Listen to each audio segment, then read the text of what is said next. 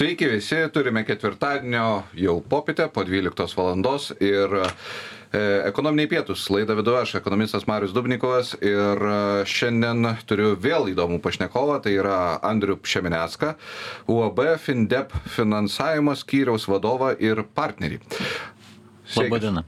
Labai. Sakau sveikas, nes Andriu pažįstu ganėtinai senai, senas pažįstamas, tai labai keista, nes kai sakai senas pažįstamas, tai reiškia pats esi senas. Tai, bet e, aš manau, kad tai yra patirties e, požymis. Um, Andriu, Kas Taip. yra Andrius, papasakok, pas mus ateina žmonės įvairių sričių, įvairių uh, patirčių, sakyčiau, kas yra labai svarbu apibūdinti, ta prasme, kad uh, parodyti, kad Lietuvos verslas yra liet, įvairus, žmonės sukuria įvairiausius verslus ir geba, geba daryti uh, stebuklingus dalius, dalykus. Kaip pats tapai FinDep partneriu ir finansavimo skyriaus vadovu? E, taip. Tai aš esu iš finansų srities, esu baigęs finansus, baigiau universitetą, baigiau finansus, pradėjau dirbti finansiniam sektoriui bankė ir mūsų įmonė įsikūrė ir mūsų verslas prasidėjo per pirmąją finansų krizę. 2008. A, pataisysiu šitoje vietoje, 2008 tikrai nebuvo pirma finansų krizė, nes e, e, finansų krizės buvo visą gyvenimą, tiek kiek turbūt žmonija egzistuoja ir turbūt 9000 metų e, atgal, kai buvo Taip. keičiamasi aukso luitukais pradėta arba barteriniai mainai, turbūt irgi buvo krizės. Taip, tai taip. Nu, teisus, jo, tai mes ją vadiname pirmąją turbūt, nes mūsų, galbūt toj kartoj, mūsų darbiniai praktikoje, ar ne. Nu ir toks unikalus turbūt buvo atvejis ta krizė per paskutinius, paskut, paskutinius laikotarpius. Tai va, tai e, toj, toj vietoje mes ir pradėjom savo verslą ir kadangi buvom kolektyvas iš finansų sektoriaus, baigė finansus, užsi, užsiminėjom įmonių finansais, jas konsultavom įvairiuose kitose įmonėse ir dirbom finansų vadovais ar, ar, ar bankė, kaip minėjau. Mes tiesiog susibėgom ir nusprendėm, kad, na, kadangi yra krizė ir mes turim finansinį išsilavinimą, galim kažko padėti.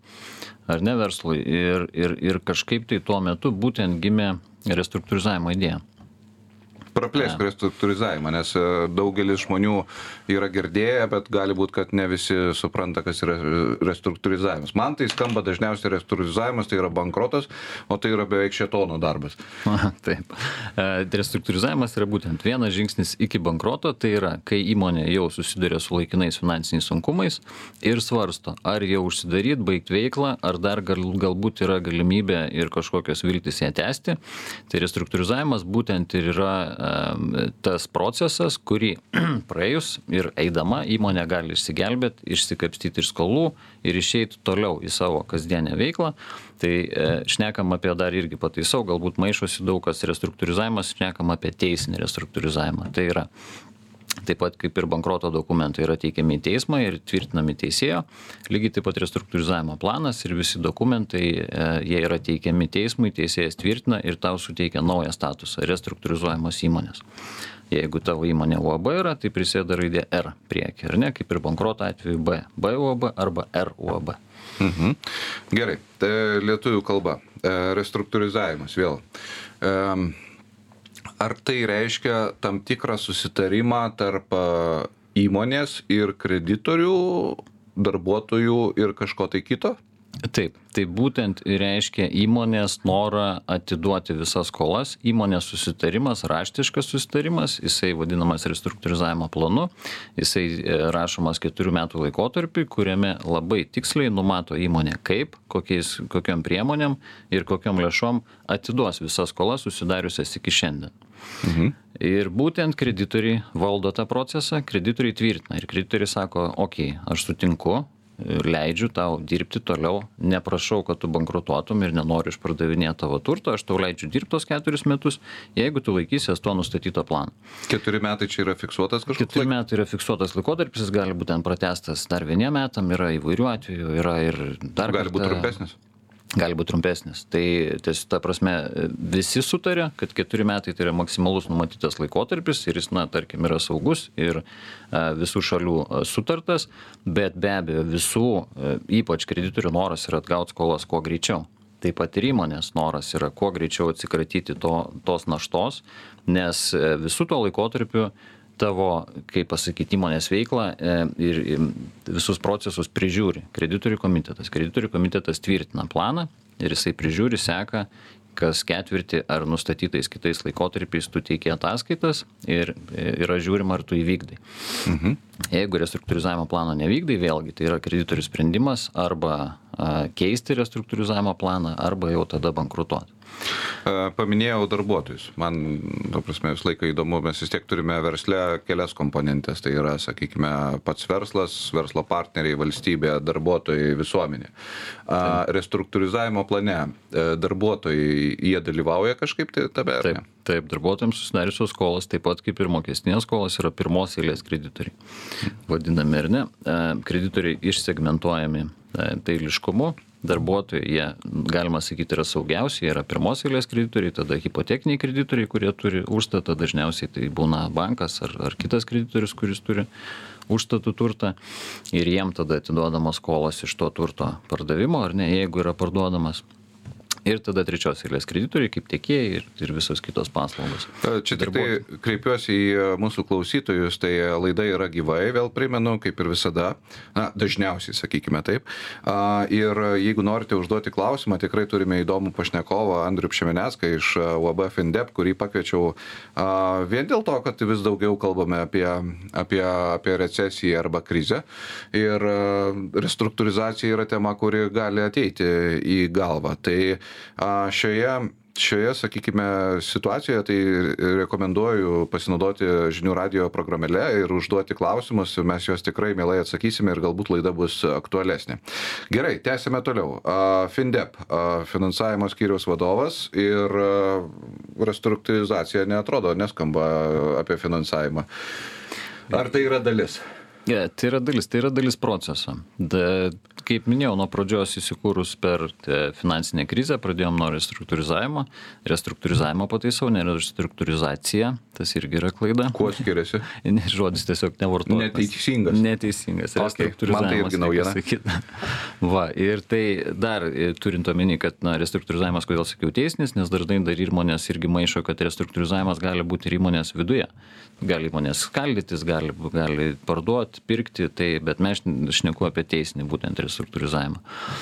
Va, o toliau, tai reiškia, vėlgi, su laiku, e, bėgant metam, pradėjus nuo restruktūrizavimo, pamatėm, kad mūsų, na, išėjus ar ne iš tos finansinės krizės, matėm, kad mūsų klientam reikia ir kitų paslaugų, taip išėjo ir tas reiškia, pati mintis, kad yra finansavimo, ar ne, ir FinDep reiškia finansų departamentas, taip mes norim sakyti, tai yra deklaruojam save kaip išorinį e, įmonių finansų skyrių, finansų departamentą, taip skambiai galima pasakyti.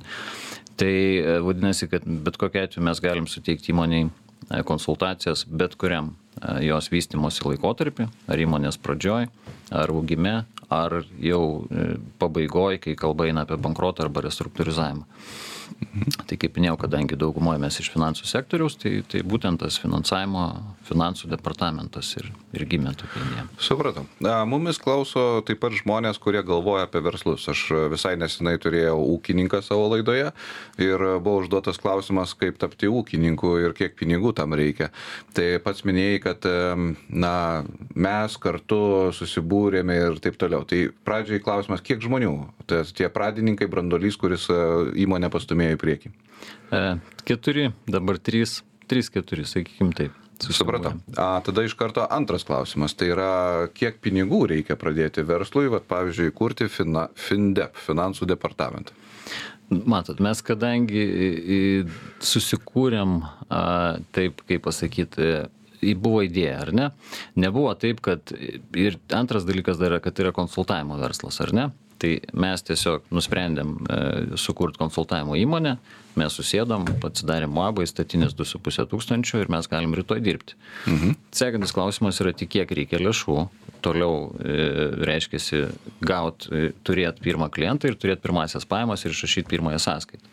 Tai konsultavimo verslas galbūt jis na ir yra to patrauklus ir ir ir ir ne ne jis nėra reikalaujantis didelių pradinių investicijų. Mum nereikia nusipirkt gamyklos kažkokių įrengimų kad mes kažką pagamintume. E, konsultacijos vyksta taip pat, kaip mes čia sėdim ar nešnekamės, tai iš esmės ofisas, automobilis ir, ir, ir tu gali darbuotis. Tai didelių pradinių investicijų nereikėjo.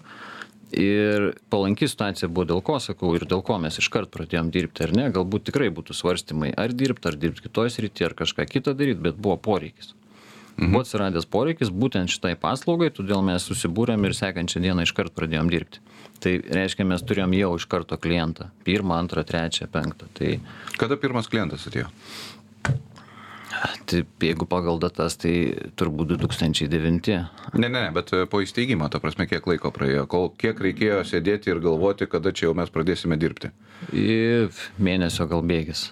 Mėnesį. Gal mėnesio bėgis, nes situacija buvo tikrai įtempta, tos paslaugos reikėjo, kas irgi buvo prival... ir trūkumas, ir minusas, pri... E, tai ta prasme ir privalumas, kad mum, kad tos paslaugos nebuvo. Mm. Tai minusas rinkai, kad jos nebuvo, bet mums tai buvo privalumas ir mes sėdom ir iš esmės tai e, visi. Bet ar tie... tikrai nebuvo tuo metu iš viso tokių paslaugų? Nebuvo teisminės praktikos. Vi, A. visą laiką buvo dabar jau vadinamas nemokumo įstatymas, anksčiau jis buvo bankroto. Čia turime sustoti, aš manau, nes e, turime daryti pertrauką ir paskui po pertraukos pratęsime, pratęsime apie teisinę aplinką. Grįžtame po pertraukos. E, laidą vidu aš, Marius Dubnikovas ir kartu su manim šiandien Andrius Pšemneckas, VB Findep partneris ir verslo kuriejas. Klausytojus raginu užduoti klausimus ir mes juos tikrai atsakysime. Matau, jau keliai krito ir tikrai labai korektiški, kuo aš labai džiaugiuosi šioje laidoje. Tai yra, mes gauname konstruktyvus klausimus, į kuriuos, na, praktiškai šimtų procentų ir atsakinėjame. Bet tęsiant toliau, mintį mes baigėme prieš pertrauką apie įstatyminę bazę, bet dar iki įstatyminės bazės aš pasižymėsiu, kad tą turėčiau grįžti. Norėčiau paklausti e, vieno dalyko. Ar baisu buvo pradėti verslą? Ne. Ne, nežinau, gal tiesiog taip sutapo, kad, na, ir žmonės, su kuriais dirbu dabar po šią dieną ir pradėjom pažįstami, na, galima sakyti, draugai jau tada buvo. Gerai, paklausiu klausimo labai asmeninio. Ar teko pačiam išeiti iš banko, ar perėjai į, į įmonę, sakykime, atleistas? Be abejo, atleistas. Atleistas, gerai, labai ačiū už nuoširdų atsakymą. Tai yra, kitaip sakant, aplinkybės privertė imti savo, savo vadžias į savo rankas. Aplinkybės privertė būtent tą krizinę situaciją, kai užsidarinėjo bankų skyriai ir mažinosi darbuotojus, bet pasirinkimas buvo sekantis, ar toliau eiti dirbti samdomu į kitą banką ar, ar į mhm. kitą sektorių, ar tiesiog dirbti. E. Ar jaunus žmonės paskatintum tokį veiksmą daryti? Iš esmės paskatinčiau ir skatinu. Ir turim ir e, seminarų kažkiek turėjom, ir, ir paskaitų, ir su universitetu, ir aš visą laiką e, bandau pasakoti ir turiu, e, nu, ta, ta prasme, išneku apie verslo pradžią. Gal net netaip sakyčiau, aš galiu papasakoti ir nurodyti, kokia ta verslo pradžia, pasakyti pliusus, minusus, apibriežti, kaip, kaip tai atrodo, bet žmogus vis tiek jis turi spręsti pats skatint nu sakyčiau taip okei jeigu idėja yra tvarki gera tu tikrai matai matau užsidegimą akyse taip tikrai taip bet vis tiek tai yra žmogaus sprendimas. A kokie kertiniai klausimai kuriuos turi atsakyti prieš prieš imantis verslo kurie kirba galvoje ta prasme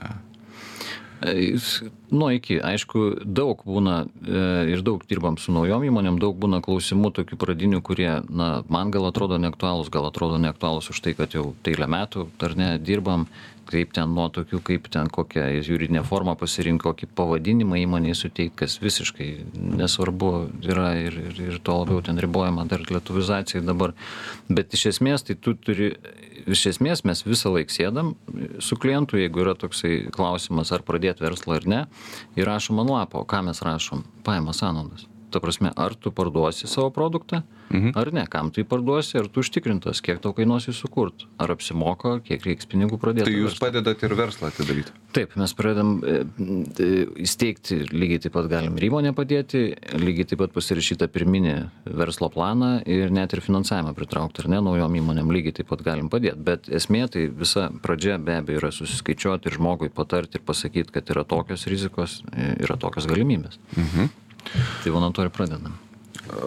Aš jau žinau atsakymą, nes visą laiką tai viešai sakau, bet užduosiu klausimą pačiam.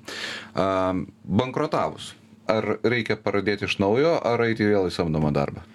Reikia pradėti iš naujo. Šaunu. Tai yra mano irgi mintis, kurią dažnai sakau, tai yra ta prasme, prisėmus verslininko riziką, iš esmės tu turi pradėti vėl sekantį verslą, jeigu nepavyko, kas labai didžiulė tikimybė, kad nepavyks, nes turbūt per pirmus penkis metus ko ne 50 procentų bankrutuoja verslų, Taip. Reikia toliau judėti į priekį ir tiesiog tą riziką žaisti. Ir, ir jeigu sustosi, ta prasme, nepasieksi savo užsibriežto tikslo. Taip. Gerai, a, turime porą klausimų, juos atsakysime, bet mes prieš pertrauką palikome vieną neatsakytą klausimą, tai yra įstatyminės bazės minėjai nebuvimas 2008-2009 metai. Kas tai buvo? Teisinės praktikos nebuvimas. Įstatyminė baziniai buvo. Aha. Tai buvo bankroto įstatymas, buvo restruktūrizavimo įstatymas, dabar jisai pakeistas e, į nemokumo įstatymą, patobulintas, beje, galim tik tai pagirti, tikrai įnešta naujovių t- aktualių įmonėm ir visiems visiem dalyviam šito, šito proceso. Bet buvo tiesiog paprasčiau buvo rinktis bankrotą, nes tai buvo aiški procedūra, visiems viskas aišku, kaip yra daroma ir, ir kokia yra procedūra. Restruktūrizavimo procedūros nebuvo. Ir tada atsirado įmonių, kurios sako, nu, žiūrėkit, dabar yra krizė ir mums tiesiog tik tai dabar laikini finansiniai sunkumai. Kas ir yra restruktūrizavimo sprendimas laikinų finansinių sunkumų ir tai yra įstatymė parašyta būtent žodis laikini. Tu, susitai, tu, tu deklaruoji, kad na, tiesiog atsitiko bėda, aš ją sprendžiu. Bet teisėjai neturėjo ne vienos nutarties restruktūrizavimo bylos. Nebuvo praktikos, nebuvo dokumentacijos. Mes ėmėm restruktūrizavimo įstatymą, skaitėm jį ir kūrėm būtent tą restruktūrizavimo planą, restruktūrizavimo metmenis ir visą procedūrą derinom su kreditoriais. Taip gimė iš tikrųjų dokumentai, jie atsirado teisme, atsirado pirma nutartis. Tai ir prašau, procesas, procesas Okay. vyks. Gerai, eikime prie klausimų iš, iš klausytojų, vėlgi raginu užduoti klausimus, nes laida tampa aktualesnė. Pirmas klausimas a, iš klausytojo, beje, kuris pasivadina ir jisai dažniausiai pas mumis visą laiką užduoda klausimus šioje laidoje. Tai ačiū pačiam. Ir a, klausimas toks, ar galite pateikti sėkmės pavyzdį konkretų, ar valstybei skolingos įmonės tuo naudojasi? Taip, be abejo, valstybė beveik šimtų procentų būna kreditorių tarpe. Tai yra sodra, VMI, ten kokie tai bebūtų mokesčiai, bet mokesčių inspekcija tikrai yra vienas iš kreditorių kaip ir sodra ir tikrai su jais yra derinamas planas, jie įtvirtina ir tai yra tik sutarimo reikalas. Kas ir yra beje, planas tai yra na, dokumentas, kurios sutarė visos šalis. Ir taip, mokesčiai tvirtina restruktūrizavimo planus ir, ir, ir tie procesai važiuoja konkrečių pavadinimų, nenorėčiau minėti, bet taip. Na, tai yra paslaptis, jis pasakė. Tai. Ok, tada sekantis klausimas. A, Justas, ar bankai visada noriai bendrauja, a, kai negali padengti kredito? Juk jie turėtų būti suinteresuoti, kad žmogus mokėtų įmokas. E, Bankai, e, žmogus, ar tiksliau įmonė, ar ne, šituo atveju šnekam vis tiek Mhm. apie juridinius asmenys ir jų restruktūrizavimą, e, moka paskolą pagal grafiką. Kas yra restruktūrizavimo planas? Tai yra tas pats grafikas. Mhm. Tik tai išdėliotas taip pagal įmonės galimybės. Mhm. Tai be abejo, taip. Ir bankai, na, kai aš kaip ir minėjau, dažniausiai bankai būna hipotekinis kreditorius, tai yra jie turi užstatą, ar ne, turi užstatę tavo turbūt įmonės turtą, ar tai nekilnojama, ar tai kilnojama, ar įrengimus. Ir jiem tada klausimas yra toks, ar tada tiesiog pardavinėti turtą bankruoto atveju ir atsimti kažkokią tai dalį pinigų, kas yra ilga procedūra ir kainuoja pinigų, tų pačių teisinių išlaidų, administracinių išlaidų, tą turtą, jeigu jie atsima, reikia kažkur įsaugot ir taip toliau ir panašiai. Ar, na, patikėt su tavi- tavim, tavo planu, sutikti su restruktūrizavimu ir atgauti skolas pagal tą patį grafiką, tik tai jau patvirtina teismo. Mhm. Kas vėlgi, na, sakyčiau, dar yra rimčiau, ar ne, negu tik tai grafikas tarp dviejų šalių Paminėjai teismus. E, Kiekvienas restruktūrizavimo planas turėtų būti tvirtin, yra tvirtinamas teismo keliu, ar tai yra, gali būti tarp kreditorio susitarimas? Ne, vadinamas galimas neteisminis restruktūrizavimas, bet tai yra atskira procedūra, bet kokia atveju tai yra sutarimas tarp visų kreditorių. Mhm. Jisai galimas. E, Nežiūrint, kad tai yra neteisminis, vis tiek tai administratorius tą procesą prižiūri, na ir, sakykime, kažkoks tai. Na, ir kreditorius greičiausiai labiausiai nori turbūt teisminio keliu viską įtvirtinti. Dažniausiai taip. Na, dažniausiai kitaip neišeina, nes yra daug šalių, kaip Okay. A, turime daryti pertrauką. Sveiki visi, dar kartą grįžtame po pertraukos ir e, šiandien laidą vedu aš, Marius Dubnikos, kartu su manimi Andrius Šemeneckas, UAB FinDep e, skyriau, finansavimo skyriaus vadovas ir partneris. Ir kalbamės įdomia, įdomia tema, tai yra verslo ciklai, tai yra nuo, sakykime, atidarimo, jo vystimo ir, ir galiausiai kartais ir liūdnos pabaigties, tai yra bankroto arba restruktūrizavimo, kuris tarsi nauja naujas etapas, kuris atidaro verslui naujas galimybės. Mes prieš pabaigą kalbėjom šiek tiek ir iš e, klausytojų buvo klausimų apie valstybės įtaką. Ar valstybė kelia bankrotus įmonėms? E, be abejo, pagal statistiką dar prieš tą COVID situaciją, prieš visas mokestinės tas nuolaidas, kurios dabar jau yra taikomas, tai e, didžiausią procentą bankroto iniciatorių sudarė būtent valstybė. Didžiausia. Didžiausia. Daugiau negu 50 procentų iniciatorius būdavo sodra arba VMI. O, tai man nuostaba. Va, tai dabar stebim atvirkščią situaciją, kadangi yra atidėjimai, yra mokestinės paskolos, iš esmės ir bankruotų, ir restruktūrizavimų tikrai yra sumažėję, būtent po to, mm. po mhm. COVID laikotarpio. Tai reiškia, kad mokesčiai yra atidėti. Arba Bet tai sumažėja, tai reiškia, jie vis tiek ateis kažkada tai. Be abejo, sudarytos mokestinės paskolos, sudaryti dabar yra speciali programa beje VMI, kai mokesčiai yra atidedami be mokėjimų dalinių jokių iki gegužės mėnesio reiškia gegužės mėnesį visgi turėsi susimokėt. Tai čia gaunasi, ta prasme, jeigu recesija bus ir, na, tikėtina, pirmas, antras ketvirtis bus prastų laik, skaičių laikotarpis ir O tikėtina, kad vasarą turėsime tokį temčiausią laikotarpį, tai dar prie jo prisidės ir, ir didžiausių bankrotų iškėlėjo klausimas. Taip. Ok, bankrotai bankrotais, mes čia kažkaip pusę laidos prakalbėjome Taip. apie tai, bet Mm, kokia yra situacija dabar? Bankrotų nėra, tai reiškia, yra kažkoks etapas, kai yra, reiškia, įmonės vystosi. Ką daro dabar, kai nėra bankrotų? E, iš esmės, kaip ir minėjau, nuo tos, reiškia, restruktūrizavimo visos situacijos su verslu vystantis, augant, atsirado poreikis tiesiog finansavimo ar ne paieškos. Ir mhm. ką darom ir visą laiką darėm, tai yra būtent išorinė finansavimo paieška. Ar tai būtų europiniai projektai, ar tai būtų bankinis finansavimas, ar, ar kažkokios kitos e, finansavimo kažkokie kiti šaltiniai. Tai būtent tą ir padedam įmonėm padaryti, gauti, susiorganizuoti, paruošti dokumentaciją. E, dabar taip, dabar mes matom tokį laikotarpį dėl bankroto restruktūrizavimo ramesnį, galbūt e, dėl tų pačių kaip priežasčių, kaip ir minėjom, kad ir mokesčiai atidėti, ir įmonės dar kol kas iš inercijos ar ne kažkokį tai kapitalą sukaupę vysto projektus, investicinius projektus kažkokius baiginėje, pirkimus dar daro, tai kol kas yra aplinka tokia rami, sakykim taip.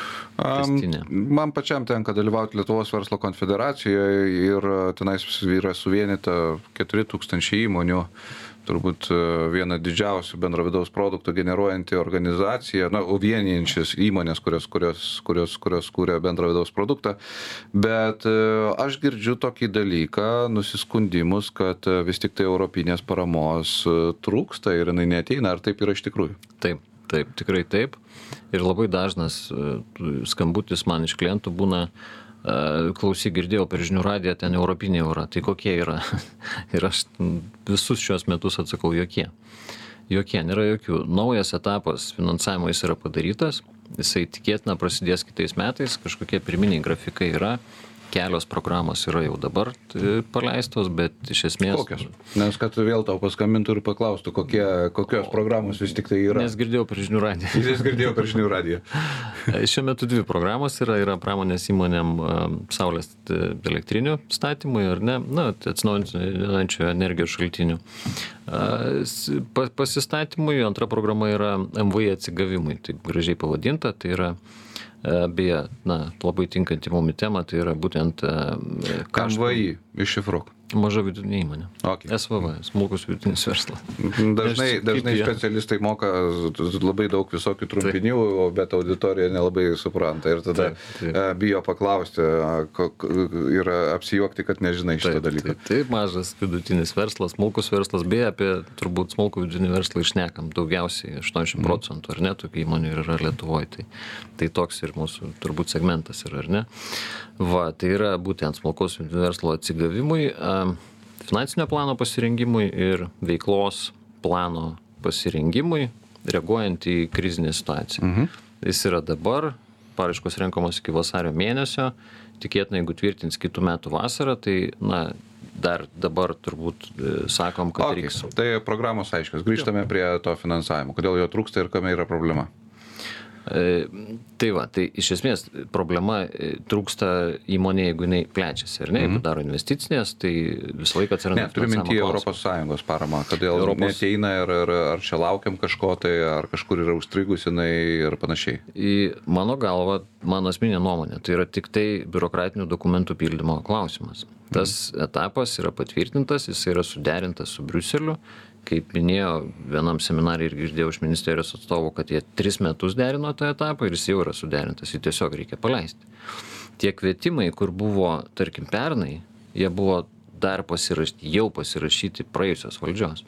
Šiuo metu pernai buvo kvietimas, patvirtinta šiemet parama, šiemet iki kitų metų vykdo įmonės projektus dar prie ankstesnės valdžios. Tai čia tiesiog manau, kad valios trūkumas ir ne tai, kad valios, bet tiesiog reikia paprašyti tų pinigų.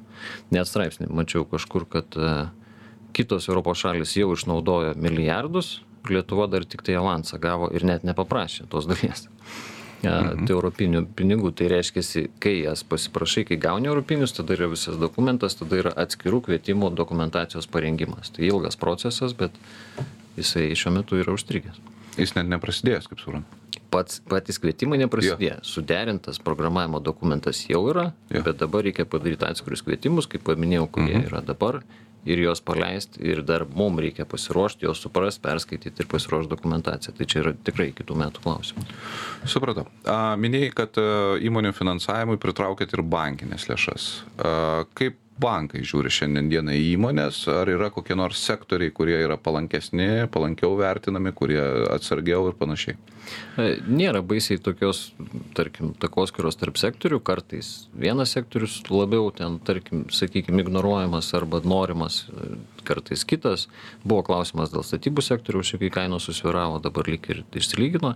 Iš esmės, ne, iš esmės, kaip ir mes sakom, dėl, vat, kad ir verslo įkūrimo ar, ar, ar ten kažkokio tai verslo plano, pats sektorius nėra svarbu, svarbu idėja, svarbu, ką tu darai, svarbu, kas tavo klientas, svarbu užtikrintumas. Svarbu užtikrintumas, kad tu gausi pajamas, uždirbsi pelną. Mhm. Sektorius gali būti. Gali Ar būt gali įvairus. verslas prasidėti, pavyzdžiui, nuo nulio, neturint kažko įkeisti? E, Ne jūsų atveju, nes, kaip suprantu, konsultantams jo, reikia kėdės ir telefoną. Taip. Sultantam reikia kėdės ir telefoną ir gali prasidėti. Gali ir kėdės nebūti, gali ir pastovėti, Taip. kol neužsidirba.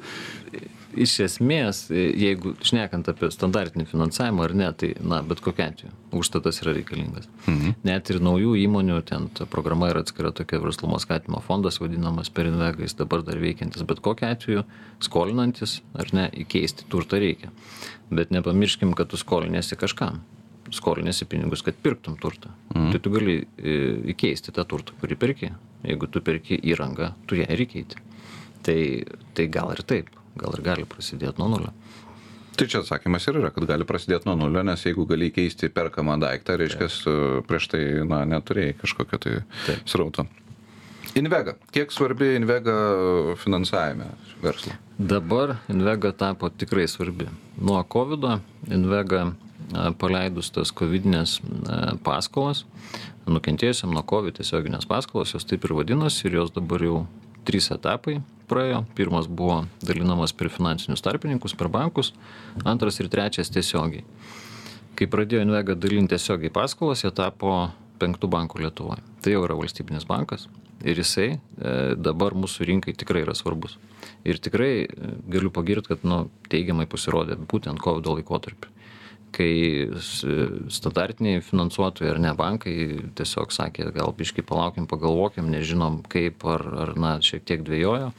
Invega, turėdama lėšas, iš tikrųjų jie skirstė būtent tas paskolas įmonėm ir, ir, ir tai įtakoja rinką. Tai taip, šiuo metu Gerai, yra svarbus. sustokime šitoje vietoje, nes turime daryti pertrauką ir turėsiu sekančių klausimų būtent apie valstybės finansavimą ir jos vaidmenį versle. Grįžtame po pertraukos, laidą vedu aš, Marius Dubnikovas, kartu su manimi Andrius Šemeneckas iš VB Findep a, partneris ir kalbame apie įmo- įmonių finansavimą, bankrotus ir panašius dalykus. Baigėme apie Invegą ir Invegos vaidmenį. Kaip pas manai, valstybės a, vaidmuo finansuojant verslus kriziniu metu yra svarbus ar ne? E, šituo atveju Invegos vaidmuo tikrai buvo svarbus ir tikrai, manau, pasiteisino. Mhm. E, net nesakyčiau gal valstybinis, aš tai dabar jau, kadangi Invega pati pasiskelbus, kad jau yra valstybinis bankas, aš tai turiu daugiau gal vertinčiau banką, na tai be abejo, administruojama valstybės ir su, su pinigais, ar tai valstybės, ar europiniais nėra taip svarbu, bet tai vaidmuo tikrai buvo svarbus ir yra, ir, ir anksčiau būdavo, kai jie suteikinėjo garantijas ir kad ir tarkim paprasta programa dabar kuri galiojanti invegos yra palūkanų kompensavimas ar ne? Visom investicinėm paskolom nuo metų pradžios paimtom kompensuojama 95 procentai palūkanų. Tai tikrai yra ženklus, ženkli pagalba verslui. Gerai, tęsiant šitą klausimą, dabar Invega vis tiek dalina pinigus, didelis pinigų srautas, yra problemų. Ne visi turbūt tinkamai pasinaudoja tais pinigais. Ar matai kažkokių problemų šitoje srityje? Yra, šitoje vietoje taip pat yra, na, kadangi šnekam apie valstybę, apie Invega ar ne, ir valstybinį sektorių, tai daugiau yra toks požiūris, na, tarkim, formalus, ar ne? Ir formaliai visos įmonės kurios pasinaudojo pavyzdžiui kovidinėm paskolom jos turėjo atitikt formalius kriterijus. Apyvart pavyzdžiui apyvarta krito trisdešim procentų. Na po kovido ten atitinkamais mėnesiais tarkim pirmas kovidinis etapas buvo nuo devynioliktų metų kovo trys mėnesiai ir dvidešimtų metų lyginami trys mėnesiai jų apyvarta turi būt minus trisdešim procentų tai reiškia kad tu nukentėjai. O tiktai būdamas nukentėjęs tu galėjai gaut tą paskolą ar ne ir įmonės gavo tas paskolas dvidešimtais metais E, dabar yra patikrinta tos e, šitų paskolų panaudojimas ir ar tikrai įmonių apyvartos krito. Tai Invegos buvo straipsnis, kad 85 procentai pasinaudojo tvarkingai, bet visgi yra likę 15 procentų, kurie nustatyta, kad gavo paskolas, na visgi e, iš esmės, nu, nesakyčiau, kad apgavę ar ne, nes tuo metu tai nebuvo dar aiškus duomenys, bet dabar jau yra aišku, kad pagal uh, sąskaitas faktūras ir VMI duomenis, ta apyvarta nekrito. Tokių įmonių yra 600 Lietuvoje. Ir jų prašoma dabar gražinti paskolas. Čia ir dabar? Čia ir dabar, rytoj. O, tai skamba kaip, kaip didžiulė problema. Gerai, kalbant, e, šokam šiek tiek į kitą pusę. Verslo finansavimas kriziniu laikotarpiu. E, mokestinės lengvatos, ar jos pasiteisino ar ne? Mokestinės lengvatos, tai, tai pirmame etape ar ne, pradžioje COVID laikotarpiu, tai ir taip ir ne. Ta prasme mokestinė lengvata valio. Atidėjo mokesčius nereikia mokėt valio. Tiktai blogai turbūt kad blogas buvo požiūris į tą lengvatą nes ta lengvata nereiškia kad tu neturėsi mokėt. Tai reiškia bet iš ko blogas požiūris? Iš valstybės ar iš iš įmonių. verslo? Iš įmonių. Ta prasme jeigu tu gavai tą lengvatą tu vėlgi nu tu turi nusimatyt kad ją atiduosi. Visą sumą tu turėsi atiduot. Ir čia buvo dabar tiksliai nepasakysiu bet galbūt metų vidurys liepa rugsėjis kai jau baigėsi tos lengvatos ir jos turėjo būt nu ta prasme turėjo paprašyt tavęs atiduot ar ne visą e, visą tą skolą mokesčių. Tai čia sakyčiau yra požiūrio klausimas nes tam tu turi ruoštis o jeigu tau kažko neprašo grąžint tu tam nesiruoši ir tas yra kaip tiksinti užprogramuota bomba nes tai yra tavo skola kurią tikrai turėsi padengt tai kitaip sakant čia yra problema ko gero finansinio raštingumo. Čia yra problema finansinio raštingumo. Ir gal tiesiog tokio požiūrio planavimo ar ne ir ir ir kad na tu turi tą nusimatyt dabar šitam etape mokestinis atidėjimas ką minėjau jis labai yra sugriežtintas turiu omeny kad labai daug sąlygų įmonei keliamų kad gautum tą mokestinį atidėjimą. Tai čia vėlgi, čia jau kita problema. Čia jau problema būtent tų formalių dokumentų, kurie paruošti taip, kad na, įmonė patirianti sunkumą, jinai jų netitiks. Tai reiškia, mhm. negaustų. O ta, kuri atitinka tos kriterijus, jai nereikia. Tai va čia yra antra problema. Bet pirmame etape taip, tai buvo, okei, okay, mes jums atidedam, bet, bet žiūrėkit, nu visgi kažkada reikia susimokėti. Gerai. A, mūsų laida juda į pabaigą, matau laikas tiksi ir tradicinis mano pabaigoje klausimas, nes nepaisant to, kiek mes užsimtume verslu ir kiek mes būtume finansiškai raštingi ir kokie būtume finansų konsultantai, ką darai po to, kai baigėsi darbas? Hmm. Tai, na, tai aišku, kad namai šeima, šiek tiek hobių gal galiu paminėti. Paskutinis toks atradimas yra vandens sportas. Veiksurfas vadinamas. Veiksurf vadinamas. Kas yra veiksurfas? Uh, kateris tave traukia ant lentos. Mhm. Ir tada e, užtraukia su šniūru, tada tu jį paleidai ir tu tiesiog kaip ant banglentės, ar ne, čiuži. Tai čia turbūt vienas iš gal teigiamų tokių pavyzdžių, aplamai verslo pradžios, verslo kūrimo, tai kolegos pažįstami sugalvojo tokį verslą, nusipirko katerį ir pradėjo tiesiog tą. Ar jisai buvo finansuotas, finansuotas jūsų ir projektuotas, sakykime, šitas verslo modelis? Mes tiesiog patarėm ten iš draugiškumo, vyrai sutvarkė patys, bet iš esmės tai geras pavyzdys yra, kaip tiesiog nebijojo, investavo ir tai pasiteisino ir tai puikus sportas. Kur tai yra? Kauno Kur jį galima rasti? Kauno Marius. Kauno Mariuose. Nu, visą laiką noriu paraginti Vilniečius, Klaipėdiečius ir visą kitą Lietuvą atvažiuoti į Kauną, nes mes turime, mes turime, nes aš pats esu kaunietis, mes turime unikalų uh, objektą, tai yra Kauno Marios, kurios leidžia, leidžia iš tikrųjų užsimti vandens sportų. Bet vėlgi grįžkime, klausytojai visada mėgsta paskaičiuoti svetimus pinigus. Uh, kiek kainuoja veiksurfo užsiemimas? Arba kiek kainuoja vat, nu, pinigų norint tokį hobį turėti? E, čia žiūrėt turbūt gali dviejopai, arba tai nuomojasi tiesiog asmeniškai. Ne, nuomojasi, ta prasme, jeigu nori plaukti su kateriu, nebūtina jį nusipirkti. Tai... Taip, taip, taip. Tai yra ten nustatyta treniruotės kaina, tai pasižiūrėti, gal skiriasi šiek tiek pagal sezonus, bet tai turbūt palyginčiau kaip su tenisu, ar ne? Tiek, tai kiek? Kiek? kiek? Klausytojai nori išgirsti pinigų, kiek? 40-50 eurų treniruotė, panašiai. Ir tai yra kiek laiko? Viena treniruotė valandą laiko. Valandą laiko. Valandą laiko. Norint čiuošti veiksurfu, kiek reikia laiko, kad atsistotum ant lentos? Pirmą treniruotę. Tu atsistoji, antra jau jautiesi saugiau. Čia beje kažkur irgi buvo apklausos, kad e, tai yra pastoviai gerėjantis progresas. Ar ne? Tu neturi sportas, kuriame tu kiekvieną kartą plauki vis geriau neturi kažkokios duobės, kaip ten, nu, palyginau su tenisu, tai turbūt tenise, nu, tu tikrai turi labai daug mušti kamoliuką, ar ne, kad jį atmuštum ten, kur nori. O čia yra pastovus progresas, tai reiškia, tu visą laiką esi e, progresuojantis ir tai, tai tikrai užkabina. Tai ta prasme, jeigu išmoksti čiuošti, jau sekantį kartą atsistojęs vėl čiuoši, tai reiškia, nereikės tau gritinėti. Taip, čiuoši dar geriau, sekantį kartą dar geriau ir tau nereiks gritinėti. Ar priklauso čiuožimas nuo katerio valdytojo? Ta prasme, nuo be abejo, kapitono. Be abejo, labai priklauso. Nuo kapitono tai yra būtent tam tikras greitis, pati banga, kur yra keliama, ar ne, jinai irgi turi būti tam tikro aukščio, nuo kapitono tikrai daug kas priklauso. Tai turi būti nu, profesionalai, kurie nori tą daryti. Supratau. Kas dar? Kas dar kokiu užsiemimu? Kažko konkretaus nepasakyčiau. Padėlį pradėjom žaisti, košą šiek tiek pažaidžiam, tai taip pat. Supratau. Ok. Um, laidą turime baigti, laikas išseko ir šiandien ekonominius pietus vedžiau aš, ekonomistas Marius Dubnikovas ir kartu su manim buvo Andrius Pšemeneckas, UAB Findep finansų skyriaus vadovas ir partneris. Kalbėjome apie įmonių steigimą, vystimą, bankrotus ir hobius, kuriuos galima rasti Kauno Mariuose. Vėlgi noriu pareklamuoti Kauno Marias unikalų objektą, kuriame galime čiuošti ant bangos pirmą dieną, kai tenais nuvažiuojame. Aišku, ne dabar, nes dabar yra žiema. Tai iki ir susimatysime kitą ketvirtadienį. Iki.